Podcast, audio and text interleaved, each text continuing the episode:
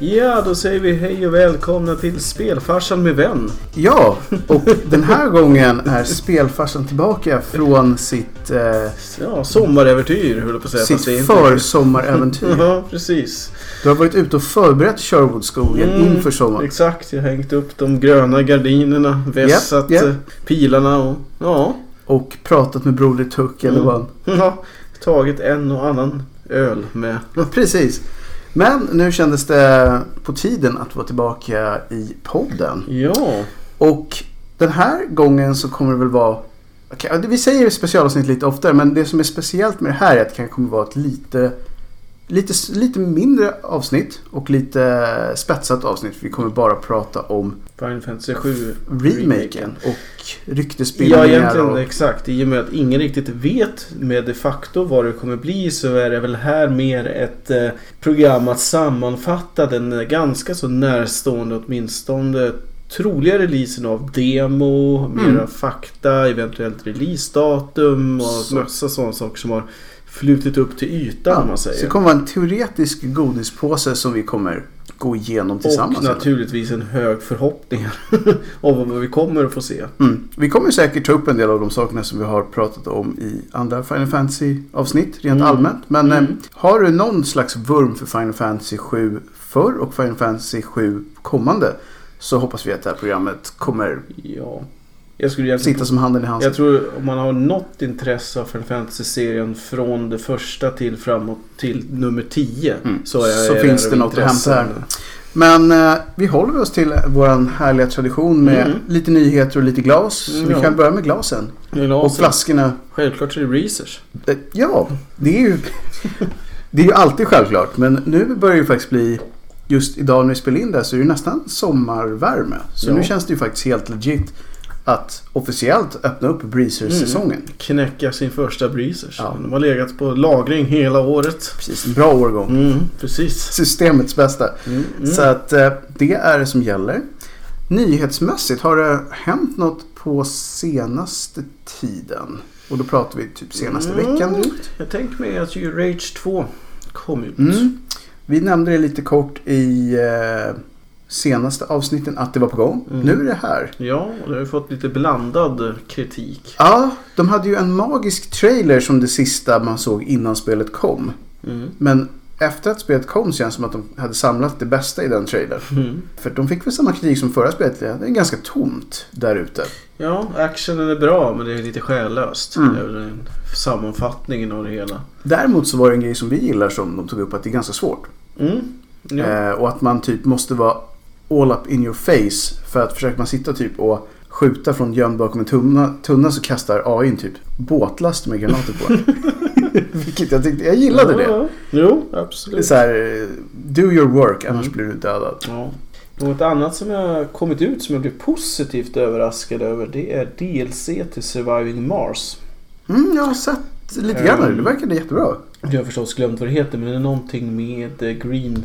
Mm, ah, hur som helst, det går ut på att man ska te- terraforma Mars Mm. naturligtvis och göra det beboeligt. Make Mars great again. Mm, typ så. Fast egentligen inte igen. Nej, utan, eller ja, jo, det Jo, är det väl. kanske. Absolut. Ja, troligtvis i alla fall har det funnits flytande vatten på Ja, Mars. och- precis. Men frågan är och grönt. möjligt. Ja, det, är- det kvarstår att se. Men i vilket fall som helst har man nu blivit utrustad med teknik. Tackar Elon Musk för det. Det gör de i spelet i alla fall. Farbror Elon. och det går ut på att eh, man ska då höja både vattennivån, eh, atmosfären och eh, helt enkelt så frön och så vidare. Mm. Det är samma stuk som förut men nu är det ju då målsättningen att man ska uppnå en beboelig planet där folk inte behöver bo i, I glasbubblor? Nej exakt. De ska kunna gå ur domen och komma ut. För det tänkte jag alltid på i originalspelet. Hur fruktansvärt klaustrofobiskt Mm. det måste vara. För man kan ju zooma in i dem där. Mm. Så man ser deras habitat. Det så här, tre hus, ett dagis, Mm. jobbet. Och går ut så dör du. Mm. Det här är ditt liv nu. 50 år. Ja. Eh, Och eh, det är både, både ser och är riktigt roligt faktiskt. Ja, ja, det, det är ju... Jag har bara kört det lite grann. Men det är, det är ett bra spel. Ja. Som många av de spelen som kommer ut i den genren. Mm. På senare år i alla fall.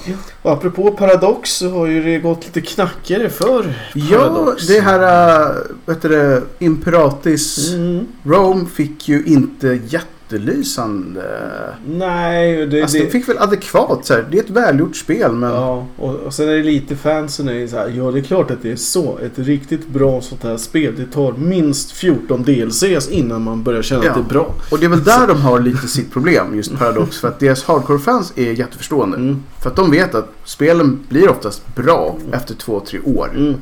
Medan alla de som är casual fans Mm. förväntar sig ju att spelet är bra från början. Fast å andra sidan, vem fasen är casual och sätter sig med det spelet? Ja, man får ju skylla sig lite själv. Mm. För just det där, vänta du köpte ett Paradox-spel.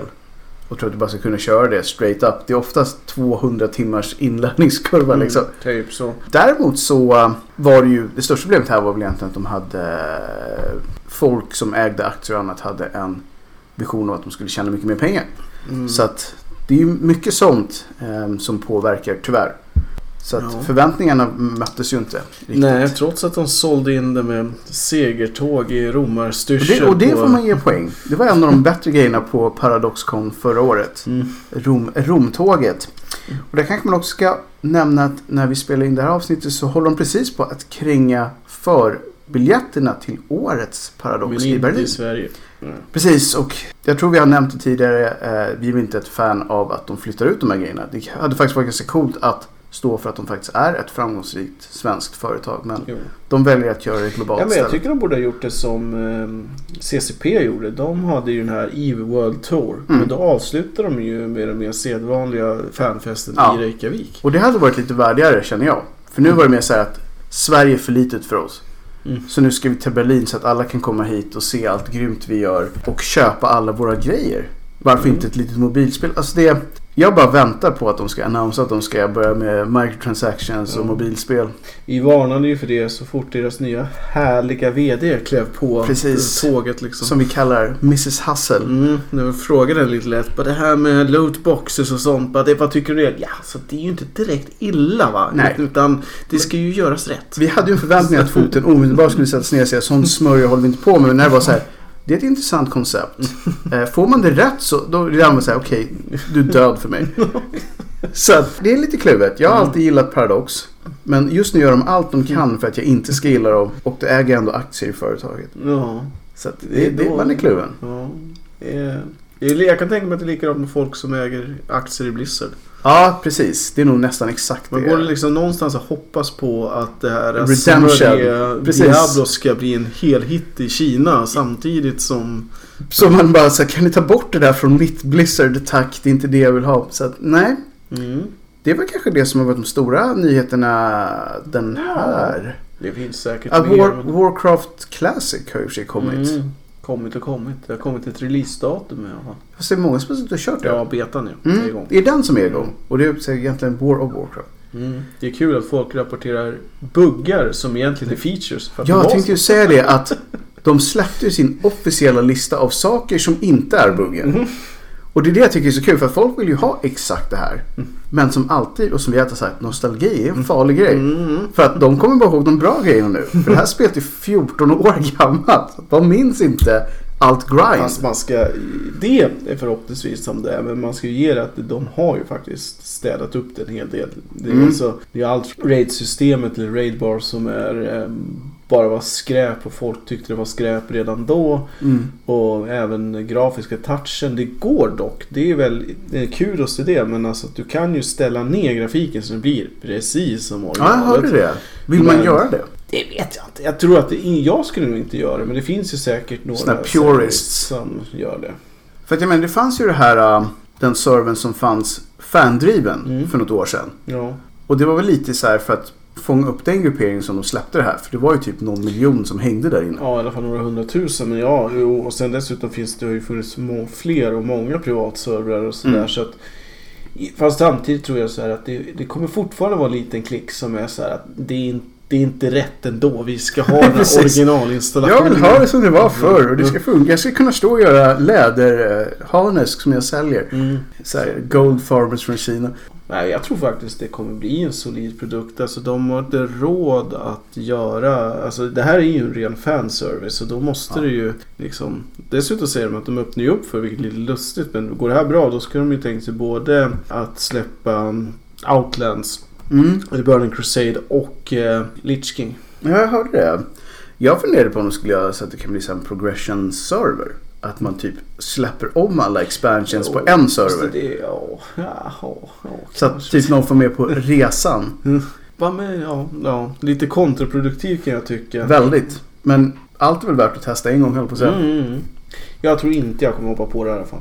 Jag som inte ens hoppade på det förra gången ser verkligen inga skäl att hoppa på det den här Nej, gången. nej. Men jag tycker ändå det är en ganska häftig grej för de som har hållit i det. Mm. Som kanske har haft det här som sin stora hobby i Mm. 14 år. Att liksom få egentligen århundradets nostalgiservice. Jo. Eh, Så det är bara att hoppas att, att de får det de vill ha. Eh, Jag Ja, kommer, visst. sitta, jag kommer sitta och titta på det här på håll. Se vad folk gör på det av Twitch och se om de tycker att det är så kul som de mindes det. För det är väl egentligen det som är det roligaste.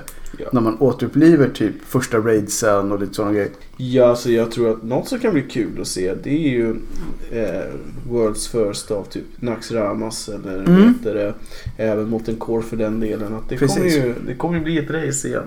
Vilket kan vara kul. Mm. För det var ju inte som sagt igår. Nej. Så att det, är väl, det är väl en nyhet värt att åtminstone Mm. lite grann. Eh, Jag vet inte riktigt när det kommer ut. Kommer ut men Nej, men jag kommer inte ihåg snart. snart i alla fall. kanske hörs mer på E3 om det. Mm. Ja, och det kanske vi ska också nämna en nyhet att snart är det E3 så vi kommer som vanligt Mm. att rapportera runt det. Jo. Speciellt i år. För att där har vi lite Segway över till det vi ska prata om idag. Det vill säga Mm. Final Fantasy 7 Yes. och allting som har med det att göra. Och där har vi då nu, ja egentligen i dagarna, fått höra att E3 kommer vara en grej. Ja, E3 kommer med om eh, ryktena stämmer så kommer det hända två saker. Mm. Det ena är att vi kommer med stor sannolikhet få ett eh, releasedatum. Mm. Och nummer två är att vi kommer få ett spelbart demo. Ja, och det här är um, någonting som först dök upp som ett rumor att någon redan hade kört. Mm. Och det var av en person som är verksam inom gaming-communityt och har Mm. ett trovärdigt namn. Så att folk avfärdade inte det på en gång och sen så släpptes typ nästan samma dag eller dagen efter från Squeenix själva att vi kommer att prata om det här. Mm. Vi säger inte när, men det kommer prata om det och sen så Mm. har det i sin tur lett till att folk tror att efter E3 presentationen så kommer det finnas ett demo som man kan ladda ner som Ja. PS Plus prenumerant. Och det låter ju ändå ganska så rimligt med tanke på att det blir en fantastiskt tillfälle för Sony att få upp försäljningen av Playstation Plus. Ja, Alltså det, Nej, så jag tror att för mig har det alltid varit så att, att jag köper alltid de servicerna till de plattformar jag har för jag vill kunna jag vill inte missa saker. mm. Men jag tror att det är många som kör den här att de gör bara det de behöver. Och Ja. det är nog ganska många som känner att de behöver det här. Ja, så det, är, det är ändå 200-300 spänn från varje av de personerna. Mm. Något som jag är lite fascinerad över det är speciellt i och med att båda har eller har IT-bakgrund eller jobbar inom IT. Det är skalbarheten av de fruktansvärda petabyte data som kommer laddas ner ja. samtidigt. Alltså det, Jag har tänkt så här. Det tänkte jag på en gång. Hur lång tid tar det innan de sänker servern? För det händer ju varje gång. Varje gång de har ett stort event som de vet om. Oavsett företag egentligen. Så lyckas de ändå aldrig staffa upp tillräckligt mycket. typ som Pokémon Go. Typ som Pokémon Go. Eller typ Destiny 2. Mm. Där de till och med sa bara nu har vi en hel serverhall så här. Bara, det- Simcity. SimCity. Och sen stod de ändå och så körde de den där Sax guy grejen för att någon dev hade lagt in det. Och trodde att det där kommer aldrig spelas för vi har täckt där och så har det två miljoner Sax guy rulla liksom. Han fick lite royalties där liksom. Ja, jag tänkte så här, det är kanske där han gjorde sig rik. Destiny 2 Sax rollade hela sin community. Mm. Så jag hoppas ju att vi slipper det. Ja. Men fasen om... Ska vi säga så? För du har ju inte en PS4. Nej. Men du är ju självklart välkommen över hit att samköra det. Ja, precis. Bara, nej, jag ska låsa in mig i ett liten skrubb och... Och vänta. För det här är ju ändå ett spel som du och jag har kopplingar till. ja, oh ja. Eh, det roligaste är att första gången som jag ägde Final Fantasy 7 så var det Mm. PC. Samma här. Mm. Inte första gången jag körde det, men första gången jag ägde Ja, det. precis. Helt klart. Och eh, jag har ju en lång bana av samröre med modding-communityn runt Final Fantasy 7 specifikt och även Final Fantasy 8 och 9. Mm. Så det finns ju även ett program som vi har tidigare gjort ihop med... Där vi hade en spännande gäst. Ja, så det kan man ju lyssna på. Där är lite roligt för i communityt så går ju... Det, det finns två läger där. Det är två... Från början ska jag säga att när, när de första trailerna kom och så.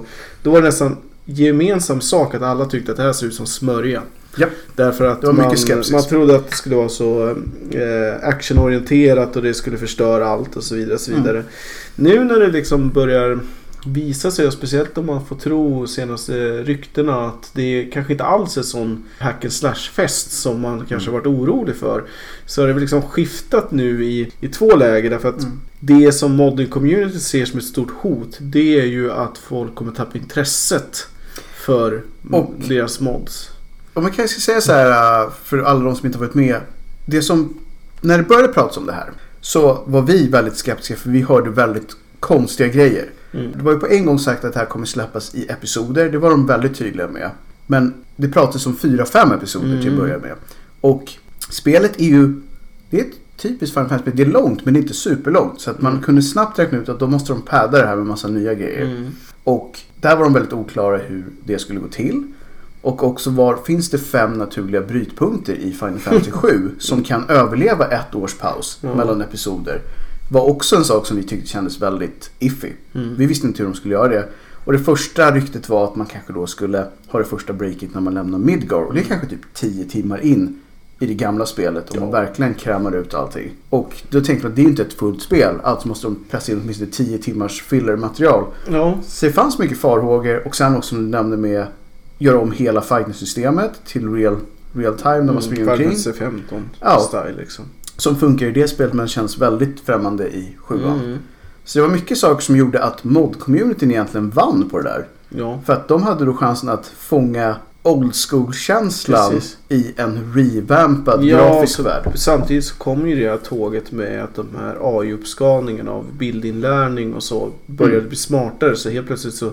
För det finns absolut en liten gruppering som sitter och för hand försöker återskapa bakgrunderna. Ja. Men eh, det, tar är ju enorm tid på... Nu ska vi se. På 10 år tror jag att man har gjort 73 bakgrunder av 761 eller Mm. någonting Så sånt. det är ju egentligen en livsuppgift. Oh ja, så att... Eh, men nu, det som jag tänkte komma till att communityt börjar svänga lite. För nu är det två läger där det finns ett förhoppningsvis, eller förho- en förhoppan, förhoppning Mm, om mm. att det här faktiskt ska kunna bli egentligen det, den versionen man har velat ha. Vilket innebär ju att eh, det råder fullt ställningskrig. Ja, ja det är väl egentligen... eh, Alltså jag, jag tycker lite för att vi pratade med den här killen Steven Howe. Howlen. Som bra kille, Mm. brinner för det här. Eh, gjort det nästan lite till sitt livsprojekt. Att nu, det blev mer och mer ambitiöst. Mm. Först var det bara att han skulle ha röster till allting. Mm. Sen skulle han även, jobbade han in modcommunityn för grafik och allt möjligt. Om ni vill se vem vi pratar om så gå gärna in på antingen på Twitch under Tsunamix eller också så kan ni googla på EKS Final Fantasy 7 så Ja. kan ni hit- hitta Han har det. både kanal på YouTube och Ja. Söker ni på det kommer ni hitta material Ja. kring honom. Värt att göra även om ni har noll intresse Jo. av själva det projektet. Det är fascinerande att se att någon som lägger ner så mycket Jo. tid och kraft på en sak Definitivt. som han gör. Problemet då är ju att om det här spelet nu helt plötsligt visar sig bli bra så kommer ju alltid hans projekt att kännas som den fattiga kusinen från landet. Är väl det Mm. farhågorna är nu. Ja. Och jag kan väl säga så här med handen på hjärtat att ja, jag, jag har svårt att se att jag skulle spela det om jag fick ovetandes. Om jag fick båda två lägg, lagda i handen Mm. och jag visste att remaken av sjuan har fått bra betyg. Jo. Sen tror ju jag att det kommer alltid finnas ett, eh, en stor klick människor som spelar ingen roll hur fantastisk den här remaken än är så kommer de alltid säga att originalet är bättre. Ja, och det är de som säger det om allt. Och det ska ju dock sägas att just den här specifika modden, eller egentligen samling utav moddar som du ändå pratar om, att Mm. det är ju egentligen en ny version av spelet. Alltså man alternerar ju ändå så pass mycket så att det här, man skulle kunna säga att det är liksom som två spår. Man skulle väl kunna, om man var lite elak skulle man kunna jämföra det med Path of Exile och Diablo 3. Ja, alltså den ena håller sig ärlig och så här, äh, håller, förhåller sig till grundmaterialet Mm. på ett värdigt sätt. Och de andra gör en fräsig, snäsig Mm. reimagining. Och nu Precis. hoppas vi att den här reimaginingen som är den officiella då faktiskt är bättre än Diablo 3 Mm. lyckades bli. Det verkar ju dock väldigt fastställt att om man gillade Advent Children så kommer man gilla allt vad det gäller karaktärsdesignen, röstskådespeleriet. Mm, eh, mm. Bland annat är ju Cloud är ju samma eh, skådespelare Ja, som samma gör. röstskådespelare. Mm. Och eh, vi kan säga vi, vi kommer prata om det som vi vet just nu. Det finns en del videos ute på YouTube som Mm. summerar allt vi vet just nu som bara är några dagar gammal. Ja. Så vill man se det med lite roliga bilder och sånt där och tveksamma cosplay-snubbar och annat så finns det där. Ja. Eh, det slipper ni här. Även fast Oscar just nu är cosplay och Precis. sitter med ett Buster Sword på, på ryggen. Fat Chocobo tror jag att du skulle säga. Ja, det är ju jag som är. Och den var awesome. Så Mm. di- don't you diss fat chocobo. Men i alla fall, vi kommer bryta ner lite det som vi såg i Mm. den videon och det vi har läst Ja. på. Så att nu då, senaste vi har hört som fått oss också att ändra lite. Vi var ganska kritiska som sagt. Och och just för att vi inte vill bli besvikna. Det är lite det det handlar om. Jo. Det är ett viktigt spel för oss och man har kört det. Det, det är både nostalgiskt och ett av de spelen som faktiskt ändrade väldigt mycket för att det var det första 3D-spelet, första med det djupet. Det inför JRPG i väst också. Ja, det var verkligen en sån här äh, slå in dörren-spel. Mm, definitivt. Det är som westernfilmerna eller whatever. Ja men eh, verkligen. liksom- Typ eh, Clintan i spagettivästern. Ja, Slog in dörren för cheesy mexican Mm, guys i mm. stråhattar. precis. En sån grej är ju värd att tänka på. Mm. Men det som vi har hört nu senast som fått oss att tona ner lite grann. Och känna oss helt plötsligt kanske lite sådär, det här kanske blir bra. Mm. Utan att jinxa det för mycket. Att nu pratar de helt plötsligt om att det bara ska bli två delar. Ja, Vilket ju redan där känns mycket bättre för då kan man kanske då få ut dem med hyfsad närhet till varandra. jo. Och att det finns ju en väldigt spoiler galore framöver så vill ni inte höra det här så är det bara dags att åka iväg någonstans. I Final Fantasy 7 så finns det ett väldigt naturligt break. Och det är när en av huvudpersonerna, Aris, dör. She, Mm. she dead. Där pratas nu om att det ska vara ett break när de sänker ner henne i vattnet igen. jo. Och det känns väl ganska naturligt. Ja, därför att det- är ju så att man måste ju nog klippa innan man får tillgång till Highwind. Ja, och det är alltså flygskeppet så man kan röra sig fritt Mm. i spelvärlden. Jo, och där apropå spelvärlden så kommer det vara intressant för att det kommer att till 90% i alla fall vara sömlösa övergångar mellan världskarta och städer och så vidare. Så vi kommer inte ha Mm. det här platta springa runt och välja stad moment längre riktigt. Nej, och eh, det är väl en sån här grej som att Final Fantasy 7 ehm, hade ju en 3D-värld, alltså 3D-overlay-värld. Och jag mindes den som ganska stor. Eh, Jag kollade på den nu igår. Den var mindre än jag mindes den. Men det fanns ändå väldigt specifika områden. Jo. Och eh, var man nitisk så kunde man hitta lite Easter egg här och där. Och det vi hörde nu är att de ska, de locations som finns kommer få en mer levande karaktär. Det kommer kännas mer som riktiga städer, de kommer ha sin egen grafiska stil. Och som de sa, det ska kännas logiskt att de som bor där bor där. Ja. Och det är väl en grej som man kanske kan beskylla Final Fantasy för lite grann. Det var väldigt stereotypt. Jo, men det var ju också kanske brist på tid och... Tid och resurser och det kanske inte ens gick att göra mer än så då. För det ska också sägas att Final Fantasy 7 originalskopet var åtminstone tre gånger större än vad det vi fick. Oh ja, och det är väl lite det som de har sagt nu när folk säger all padding. Så jag säger, nej vi kommer bara använda det som vi inte kunde förra Som gången. varit inlåst i ett hemligt kassavalv de Precis. senaste 15-20 åren. Precis. Squeenix Vault. Typ så. kommer komma många så här konspirationsteoretiker bara haha! Ja, det var väl precis. det jag sa hela tiden. Du, jag visste det här redan 96. Mhm. No you didn't. Kanske inte. Det vore ju sjukt om de la in så man kunde återuppliva Ares. Ja, för det där är ju... Vi pratade ju om det i tidigare program. Men det är ju en av de absolut största inom hela Final Fantasy-serien. Aris, om hon skulle dött ursprungligen eller inte. Och det finns ju både det som talar för och emot. Mm. Jag är helt säker på att i den versionen vi fick så skulle hon dö. För att det känns tematiskt rätt. Men jag kan också köpa att från början var det säkert inte tänkt så. Med tanke på att slutstriden har en extra plats Mm. för en karaktär och sådär. Det finns ju många Och man kan få en nyckel för att komma in i Midgard och komma tillbaka till kyrkan och lite andra grejer. Jo. Men det är, då, då tror jag väl snarare, men då måste, om de inte ska göra så att det finns ett alternativt spår någonstans så måste de nästan slänga in någon form av så här, tidsresa eller någon helande materia eller någonting annat jox för Ja. att det här ska hända. Det liksom. känns så helande materia skulle ändå vara lite i samma känsla som resten av spelet. Ja, för det finns ju en eh, teori om det här med livestream. Ja, precis, att hon eh, skulle kunna att återupplivas ja, via att den. snarare liksom återföds ja. ur livestreamen. Men... eh, Vilket ju ändå knyter an lite för att i slutet så ser man ju henne i en cutscene. Mm. De pratar från the livestream. Ja, så att det, det kan Det ju finns lite svängrum. Men där har man ju definitivt någon som kommer splittra communityt. Ja. För alla purists kommer bara säga ja men hon dog, jag såg det. Jag minns att det var så. Det här är en, en helt ny grej. Mm. Jag skulle nog kunna tänka mig att det skulle kunna funka. Ja, varför inte? Eh, På något sätt. Det eller alternativet som jag också skulle vara lite pepp på. Att man slänger in en helt ny karaktär kanske. Som inte har... Jag var lite sugen ett tag på att man skulle kunna ha någon slags DLC med Zack. Ja, fast Zack är ju död. Det blir Jo ju... precis, men att det liksom leder upp till.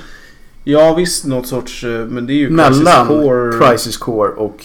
Ja. Eller tog den slut precis Crisis innan? Core slutar ju med att Zack är döende och lämnar över Buster Swordet till Så var det Så det finns inte mycket där Så att egentligen hämta. själva Bombing Run missionet börjar ju med att eh, Cloud eh, tar ju egentligen där eh, vet du, Crisis Core tar slut. Ja, så att han sticker bara in.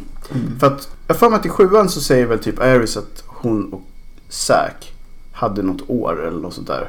Där de hade känt varandra. Ja, eh, alltså det där är ju också ett roligt översättningsproblematik. Mm. För att i, västversionen så uttrycker de som att de var ett par. Ja. Men det är ju aldrig, inte alls så i Nej, de har ju träffat storyn. varandra bara. Ja. Så det där är ju också så här lite svängrum för vad det egentligen fanns där. Det var ju mer att Ja. de hade stött på varandra.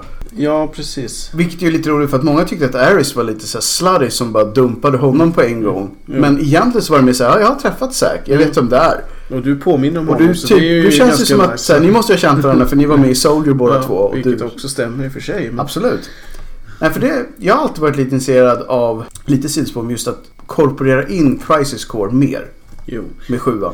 alltså det är väl mycket möjligt. Alltså med tanke på om det här blir en sån kalaspengafest som vi tror att det kommer bli. Och, Då, det då kommer det ju bara pumpas ut DLCs som på olika sätt knyter an. Före, efter, emellan, i mitten, höger, kors, Precis. tvärs, överallt. För att det är väl en av de grejerna som du har varit lite eh, så här, förespråkare av. Att det spelet är värt att verkligen spela och uppleva. Ja, definitivt. Och det har ju alltid flutit lite under radarn, konstigt nog. Ja, det är ju... ehm, det är ett action-RPG, det ska man ju säga. Så att det, är Mm. ju, det är ju inte all, det är ju mer som Kingdom Hearts eller någonting i den stilen. Och Ja. man spelar bara en karaktär, det vill säga Cloud och sådär. Mm. Men för Lauren, alltså jag, om du inte, inte är intresserad av att spela ett action-RPG så titta på en Let's Play för man får så otroligt mycket mer bakgrund till allting. Mm. Så att jag tycker det, Se Advent Children och eventuellt om man är riktigt nere i det, försök att googla upp en genomspelning av Before Christ. Som Mm. är ett väldigt okänt japanskt mobilspel som är före Crisis Core. Så det är en pre-pre. Exakt, och där är lite så här födelsen utav Shinra Corporation och liksom... För det är ändå ganska intressant. Um, Kina Corporation är ju verkligen the big bad. Mm. Och har typ hur mycket resurser och eh, infrastruktur och galna vetenskapsmän som helst. De är typ Final Fantasy-seriens Umbrella Corp. Ja. Och det är ju rätt intressant att Var är se. Wesley? Och vad, vad är Westgate? Han är i källaren. så hade de en källare så skulle han ju varit i den. Så att det är ju lite kul att se var det kommer ifrån. Ja. Och det hoppas jag, det hoppas jag faktiskt att de eh, spädde på lite grann. Ja. Vad hette han? Rufus hette han Mm. väl. eh, Den karaktären hade ju, vad ska man säga, en glorifierad typ cameo i originalspelet. Han var med lite i början. Mm. Han är med typ vid någon flottbas någonstans. Jo. Och den där Shinra Marsh står han ju och typ vinkar lite till folk och sådär. Jo. Så där tror jag det finns mer att hämta. Jag skulle inte bli förvånad om det är en av de här grejerna som eventuellt har legat i voltet liksom. Likadant med Turks. Det finns mycket Ja. mer att hämta med The Turks. Speciellt då om vi ska nämna en av de här äh, karaktärerna som var optional i Mm. sjuan. Alltså Vincent Valentine. Ja. Som gick och hem... Man hittade honom i äh, källaren på The Mansion. Jo. Och man kunde i originalspelet missa honom helt och hållet. Den enda hinten man fick var att man började hitta vapen som ingen kunde använda. Jo. Nu så enligt det senaste vi hört är att de är inte möjliga att bli av med den här gången. Utan man kan hitta dem tidigt men man får dem alltid. Och i ärlighetens namn så slutade ju Final Fantasy-serien ganska tidigt med det här med, Ja, det var sista spelet. karaktärer. var sjuan tror jag. Mm, ja, inte riktigt sant. Eller ja, nästan. I Final Fantasy 8 så kunde du ju med hjälp av Pocket Station få mm, inte Mogul utan den här snubben som ser ut med lokatt. Ja, ja, ja, Eh, just det. Det är Ja, sant. Sak jag har glömt vad den heter. Men... Ja, eh, det är sant. Men det var sista gången som de hade sådana grejer alls, Ja. så vitt jag vet. Och jag tror att det delvis har att göra med att folk vill få hela spelet. Jo. Och sen så tror jag också att ha mycket mer, det är lite cyniskt men resurser. Lägger man massa resurser på och pengar på att utveckla grejer så eh, vore det jobbigt att den utgiften eventuellt inte används alls. Nej. Så att den här gången så kommer Vincent Valentine och Yuffie som var den andra eh, gömda karaktären i Final Fantasy 7 att vara Manator. De kommer dyka upp vid ett skriptat tillfälle om du inte har hittat dem tidigare. Ja. Och Vincent Valentine som var min favorit av de här två var en turk Jo. tidigare. Och hade någonting. Och där var också så här om du hittade fler Easter eggs. Men han hade en relation till den kvinnan som var biologisk mamma till Sephiroth. Via deras genetiska program. Lucretia. Mm. Och vad som hände med henne var egentligen hans mission. Han ville ta reda på vad som hade hänt med henne för att han trodde att hon hade blivit typ mördad i deras olika bio Mm. Men det visade sig att hon var i en grotta bakom ett vattenfall. Och hade blivit konstig. Så det fanns lite så här extra material där och man hittade den när han var med och sådär. Och där tror jag det finns mycket mer. Han var en ganska komplicerad eh, karaktär. De hade ju experimenterat ganska kraftigt på honom också när han Han svek Shindra när han skulle rädda henne. Jo. Och blev typ inlåst i ett labb. Och sen så blev han ju någon typ av, inte vampyr men Demon typ mera. demon-possessed dude Ja. liksom. Brooding brukar man säga. Mm. Så där har de ju en del. Och det vore ganska coolt. För att Turks känns ju som att de får alltid storstryk i spelet. Men de är ju egentligen typ MI5, MI6, så här uh, ganska farliga undercover-snubbar. Så det skulle kunna vara lite kul att se vad de kunde göra med den. Något jag funderar på det är ju att det är ju bekräftat halvt om halvt naturligtvis. Att det kommer att vara eh, samma Summons kommer funka på samma sätt. Det kommer mus- eventuellt komma en, ytterligare en ny summon. I Mm. form av en varg. Om ryktet stämmer. Ja, och det tror jag är en som är helt ny överhuvudtaget. Ja, det är mayhaps. Men det jag funderar på att i och med till exempel det är ju så rotat välkänd historia om hur man får till exempel Knights of the Round. Frågan är om de har gjort någonting för att spicea till det där. Så att det, är, det blir ny, alltså ett nytt sätt. Att, Jag tror, du nämner ju nu Knights of the Round som är den bästa i Final Fantasy 7. Och den var sjukt. Eh, den, den gav mycket, mycket skada. Eftersom Mm. alla Knights of the Round får ett svep liksom. Cirka 130 000. Ja, och jag tror att varför inte egentligen? Den var svår att få tag i i Mm. sjuan. Men alla som har kört det vet hur man gör. Exakt. Så att, Så att det, ja, nu har de ju mer svängrum. Jag skulle nästan säga, varför inte? Ja, jag, jag tycker bara det skulle vara bra om de lägger in så att Mm. det blir nya utmaningar. För att med tanke på hur välkänt otroligt forskat alla typer utav Ja. hemligheter ändå är så vore det jättetrist om det faktiskt bara var samma sak Ja, jag, jag ser gärna att de, att de tar chansen. Och det gäller samma sak med de här speciella superbossarna och sånt Mm. där. Ja, Om de inte nu vill ändra dem, att de slänger kanske in någon till. Ja, om man ska tro till exempel så som det vi var inne på hur, hur uh, WoW Classic har gjort. Mm. Det är ju att de har ju spicat till alla bossar med, genom att ge dem elemental resistance Mm, och den mm. typen av grejer. Så, annan balans. så jag kan tänka mig att lite sånt och sen kan de säkert ha lagt till några extra attacker Mm. och det kan vara lite allt möjligt. Andra faser kanske till och med och lite så. Ja, det vore faktiskt väldigt Um. kul om de gjorde det. Och vad det kommer till själva stridssystemet som vi var väldigt skeptiska till initialt så Mm. verkar det ändå som att de har behållit, de har gjort en mix av det här ATB-systemet som var tidigare Japp. ihop med någon form av en time historia. Så det känns som att det är en det är liksom en, blir en mix av Final Fantasy Mm. 7 och Final Fantasy 15 i Som hur skulle kunna fungera. För man Skulle behöver kunna. fortfarande fylla ATB-mätaren för att kunna göra saker och ting. Och det är mycket, man har fortfarande li- limit break system Mm. och man har att man bygger upp så att det finns en taktik i hur, Mm. att man inte bara kan trycka kryss genom ett helt, kryssa sig igenom det hela. så att säga. Dagens kryss kommer Ja. inte funka. Nej, precis. Ehm, Eh, det är bra, Så jag. att, ja, Dock ska det fortfarande ett stort frågetecken hur det är. För att, eh, I och med att man uppenbarligen kontrollerar man ju en karaktär åt gången. Mm. Och man kan skifta med dem. Det har vi sett på riktiga screenshots redan Ja, nu. det är spelbara demot Men det. frågan är om det är hur, hur tempot kommer vara. Om det är så att det är så pass hetsigt så man kommer bara kunna fokusera på en karaktär. Mm. Eller om det kommer vara tillräckligt strategiskt så Mm. att det faktiskt finns en idé om att man skulle kunna skifta in och in.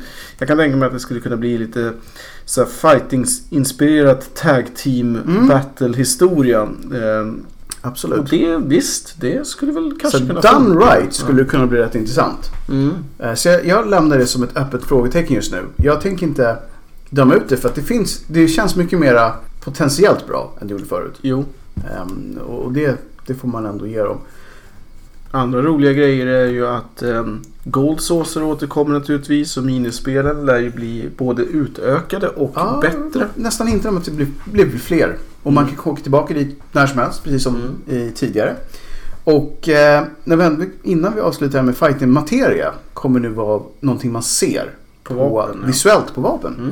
Vilket är, tror jag, första gången. Ja, De och det gör är, är någonting som det har tjatats om. Många, länge. många gånger. I alla spel där det har funnits nästan. Jag har alltid tyckt att det är konstigt. För att man gillar ju att se hur ens dudes vapen ser ut. Mm.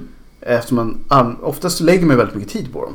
Så det är kul att se. Och nu ska man kunna se. Accessories kommer de inte ha på karaktären. För det har vi aldrig haft. Och vi har inga planer på att introducera det nu. Nej. Men vapnen kommer man, som jag förstod det, se alla Mm. varianter av. Dock det jag funderar på att hur i fridens namn ska det funka på Tifa med hennes ultimata vapen med tanke på att det är på handskar. Ja. Och på dem då ska du ha fyra, åtta, vadå, tolv Ja, materia, stenar. stenar. Det kommer bli en eh, salig samling. Jag tror att materia kommer visa sig vara väldigt mycket mindre än vi tror. Mm. Tänk typ glaskulor stora. Ja. För det är det enda sättet att få plats med jättemånga på en liten yta. Jag tycker det var jätteroligt om du istället hade haft en liten kulpåse med sig. Eller typ en påse badbollar liksom. Mm. För att jag tror det är enda sättet att komma runt det. För att Mm. är de så stora som de såg ut att vara. För det, då såg det typ ut som ett, vad ska man säga, inte ett bowlingklot men typ ett krocketklot. Ja, precis. Något i den stilen. Och 12 sådana på en handske är inte en chans.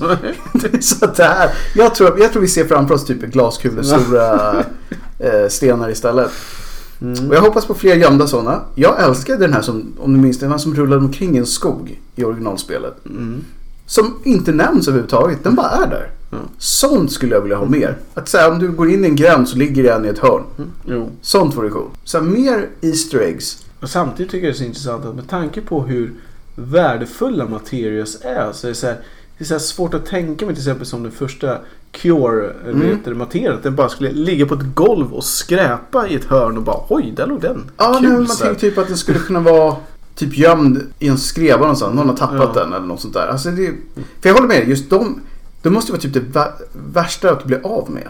Om du har någonting som kan hela dig själv Mm. när som helst. Jo. Det lär ju vara en mindre förmögenhet att hitta en sak. Ja, exakt. Och det är ju inte vara billiga liksom. Nej. Och ändå så går de för vadå, ett par hundra Ja. gill de börjar. 200-300 kronor. Väldigt skumt pris på något som potentiellt kan rädda livet på dig när som helst. Ja. Ja. Så att det där har alltid varit lite så här. Hade det varit på riktigt hade det kostat 16 miljarder.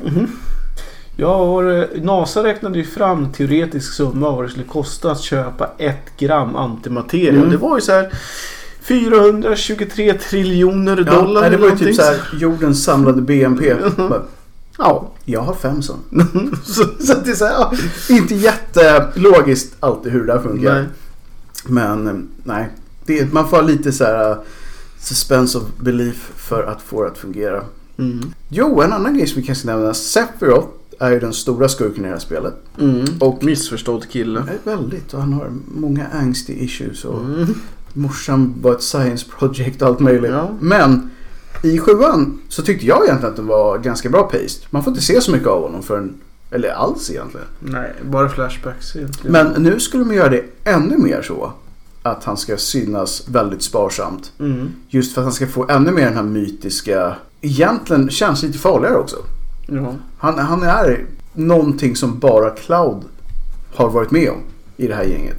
Och Och de var han- ju ändå ganska schysst. Liksom. Ja precis, de är ändå i samma lag på Det är någon det nivå. som måste bli sån antiklimax. I och för sig då, så när sjuan rullar igång så har ju Cloud lite som det är med hans minne och allt vad det nu Mm. är. Men han borde egentligen inte ha en direkt fientlig inställning till Sephiroth. Med tanke Nej, på... det var väl den där sista fighten där han hackade ner alla. Mm, jo, visst. Men utöver det så var han hjälpte ju honom flera gånger. Decent guy liksom. Ja, som han minns det så lotsade han ju honom fram Mm. till den här uh, Core Reactor uppe Mm. i bergen. De skulle laga den och allt det där. Så att han var väl decent liksom. Ja. Sen så gick han bananas men det var ju sen liksom. ja, precis. Men det är det som är lite roligt. ehm, just relationen mellan de här som med i Soldier. Mm. För att det var ju egentligen ett gäng homies. För de var ju så få. Det var ju en elitgrupp liksom. Ja. Så att det de har varit med om är egentligen bara så här. Vad kan det ha varit? Ett dussin personer Mm. som vet om. Och just som du säger, Cloud är den enda som har egentligen en personrelation till Sephiroth och alla de som är med i spelet. De andra har ju bara hört talas om honom i bästa fall för att han var typ deras top soldier class. Och även de på Shinra hade ju inte så här jättemycket koll på honom. Nej. För det var väl när hette han Hojo eller Mm. som hade honom som sitt eget lilla projekt eh, i, i en mansion liksom. Det är mycket mansions. Mycket mansions. projekt. Ja, det är någonting med japanska franchise och mansions och bioexperiment. Mm. Som, det måste vara någon så här mörk streak i japansk kultur. Manchester, det är väl lite motsvarigheten till våra herrgårdar som är lite... Ja, och det är typ så dark castles och Mm. hela den här grejen. Så att det, det måste vara någonting där. Var det något mer som de nämnde som känns så här, wow? De skulle tweaka Sids personlighet. Mm. Han skulle inte vara så skulle arg. PK. Han skulle, precis, han skulle inte... Han ska inte röka så mycket eller? Nej, de, sa att de skulle bara indikera att han faktiskt rökte. Mm. Det kan jag tycka är lite PK. Klart han måste få, få liksom... Blossa på. blossa på en fet cigarr. Det är ju hans... Alltså han var ju inte revlevnadskille liksom. Nej, Han ifrån. Jobbar med motorer, kan tänka mig han knäckte en och annan öl Mm. och rökte ganska friskt liksom. Ja. Jag minns däremot inte att han hade en abusive attitude mot en tjej. Nej, inte jag heller. Men å andra sidan så, kan, så är det Det måste man ju bara inte alltid lagt märke till liksom. Nej, och sen är också återigen där att det, det är stor skillnad på översättningar också. Mm. Det kan ju vara så att han var ett riktigt svin i den I japanska. japanska. Och de har ju mycket mer av den kulturen också. Att Mm, där är det rätt plats okej. liksom. Ja, precis. Så att det skulle de ändra på. Jag tror inte ens jag kommer märka skillnaden eftersom jag inte ens kommer ihåg det. Nej. Så att jag kommer inte, det stör inte mig så mycket. Däremot cigarren stör mig lite grann. Mhm. Det gillar jag inte. Eh, det var någonting annat vi sa. Vi, ja, vi gillade ju inte riktigt det här med, med hur de hanterade extra karaktärerna. Nej, och sen är det väl också frågan om hur övergången alltså, det kommer bli mellan spelen. Men det var ju som vi var inne på att vi troligtvis blir det ju så att det här blir huvudspelet man köper först och så blir det andra ett DLC egentligen. Ja, det känns väl som det naturliga sätt att lösa Ja. det på. Och det, det är också som att de har sagt att det ska vara större än FF15. Mm. Vilket ju är rätt spännande för FF15 är ett stort spel. Speciellt nu med alla DLC. Jo, men det beror på om räknar om Vanilla eller pratar om... Ja, det, Det har de inte sagt. Nej. Och det kanske är exakt det de inte vill ha sagt heller. För det har de Men inte en något. sak är ju ändå säker att nästan hur det än går så kommer ju Squeenix att mjölka den här kossan så långt det bara liksom Alltså deras. VD kommer bara fylla en binge med pengar. Och sen paddla kajak i den. Jo. Och jag undrar honom det om han lyckas. Mm. Gör han inte det så kommer jag åka dit och sno hans binge. Ja, så att eh, jag skulle ju ändå tro att del två kommer komma ut fortare än vad man tror. Jag tror bara att det kommer vara ett, max ett år emellan. De måste nästan ha det så. För att hypen får inte dö ut. Nu kommer den ju inte göra det. Men man vill rida på hypen så Mm. länge som möjligt. Och då tror jag just att folk behöver komma ihåg färskt i minnet vad de gjorde fortfarande. Mm. Så att de fortfarande kan få säga Fan hon är död, vad händer nu? Mm. Och nu ska jag ut och hämnas på alla liksom. Så att... ehm, nej. Ett, jag hoppas att det bara är ett år emellan. Eller att det till och med kanske är mindre. Ja, och den stora frågan. Hur blir det med dating-scenariot? Vem dejtar vem? I Kan- House, ja, vem, Kan man dejta Barrett fortfarande? Jag tycker att... Ja, det måste man ju få göra. Han är grumpy. Ja. Men goddammit om man inte har hjärtat på rätt ställe liksom. Mm. Eh, det, jag tycker det vore kul. Och dessutom, något som vi pratade om innan programmet här var... De har en väldigt tveksam sekvens i Midgar i början på Honeybee Inn. Mm. Som typ är någon slags jävla... En bordell. Det är typ en bordell. Mm. Och i spelet så är ju både Tifa och Aris där. Mm. Och Cloud. Mm. Klädd i någon slags åtsittande klänning. Lite crossdresser. Lite crossdressigt och den här uh, Honeybee-ägaren är ju lite sugen Mm. på henne. Han tror att det är en tjej. Ja. Och det är väldigt så här lite suggestiva, konstiga vibes där inne överhuvudtaget. Men det gick ju ganska bra när det var så block i 3D som det Ja. var. Det såg inte äkta ut. Nu gör det ju det. Ja. Så då har de sagt att för de som vill se Clouds paket så kommer det inte hända. Nej. De ska köra fade out, fade in. När han byter om. Så det, det, det är förstört för er alla de som väntade på det. ja. Däremot så kommer skottspelet vara kvar. Dock kommer det ta 30 sekunder så kommer någon ha skapat en bild på Det- nätet. Så. Ja. eh, vad är det så här? If there's... If it exists there's porn. Så- Och det kommer ju hända här också. Ja. Den kommer ha sin egen sida någonstans. Ja. Men skottspelet är alltså kvar. Det tycker jag är rätt imponerande. För jag minns det som det mest awkward jag någonsin gjort i en Final Fantasy-serie. Man satt på huk och gjorde någon sån här skott thrust tävling. Mm. För att vinna den här typ småporriga klubbägarens typ blessing. Ja. For no reason. Jag kommer inte riktigt ihåg men det var ju något med progression att man skulle komma ur den sektorn eller vad det var om man var i Midgar och Ja. komma vidare på ett eller annat sätt. Precis. Så att hela Honeybeen är kvar där. Så det, det kan bli en, en, en slice Mm. of life som är speciellt på många sätt. Ja. Så att, Ja, jag tror att det sammanfattar väl ganska väl den ryktesstorm Som vi har nu. som är. Och E3 är ju alltså det, det är den det stora showen. Ja. Då kommer vi förhoppningsvis ha ännu mer kul att prata om. ja, och vi kommer definitivt ha mer besked. Jag tror knappast att eh, Squeenix skulle våga liksom bara lägga locket på och inte säga någonting. Men nu är locket av känns som. Ja. Det är för mycket grejer där Mm. ute. Ehm, vi pratade lite om det innan vi började spela. Att nu, man märker att saker är på gång när man får ryktesspridningar från folk inom ehm, vad ska man säga, den jobbsektorn inom gaming. Mm. Alltså man pratar recensenter, man pratar folk som är kända streamers, översättare. Då har de fått se grejer. Mm. Det enda skälet att vi inte vet mer är att de säkert har skrivit på en massa sådana här uh, klås. Att de inte får säga saker. Mm. Men lite saker läcker ju alltid ut. Jo.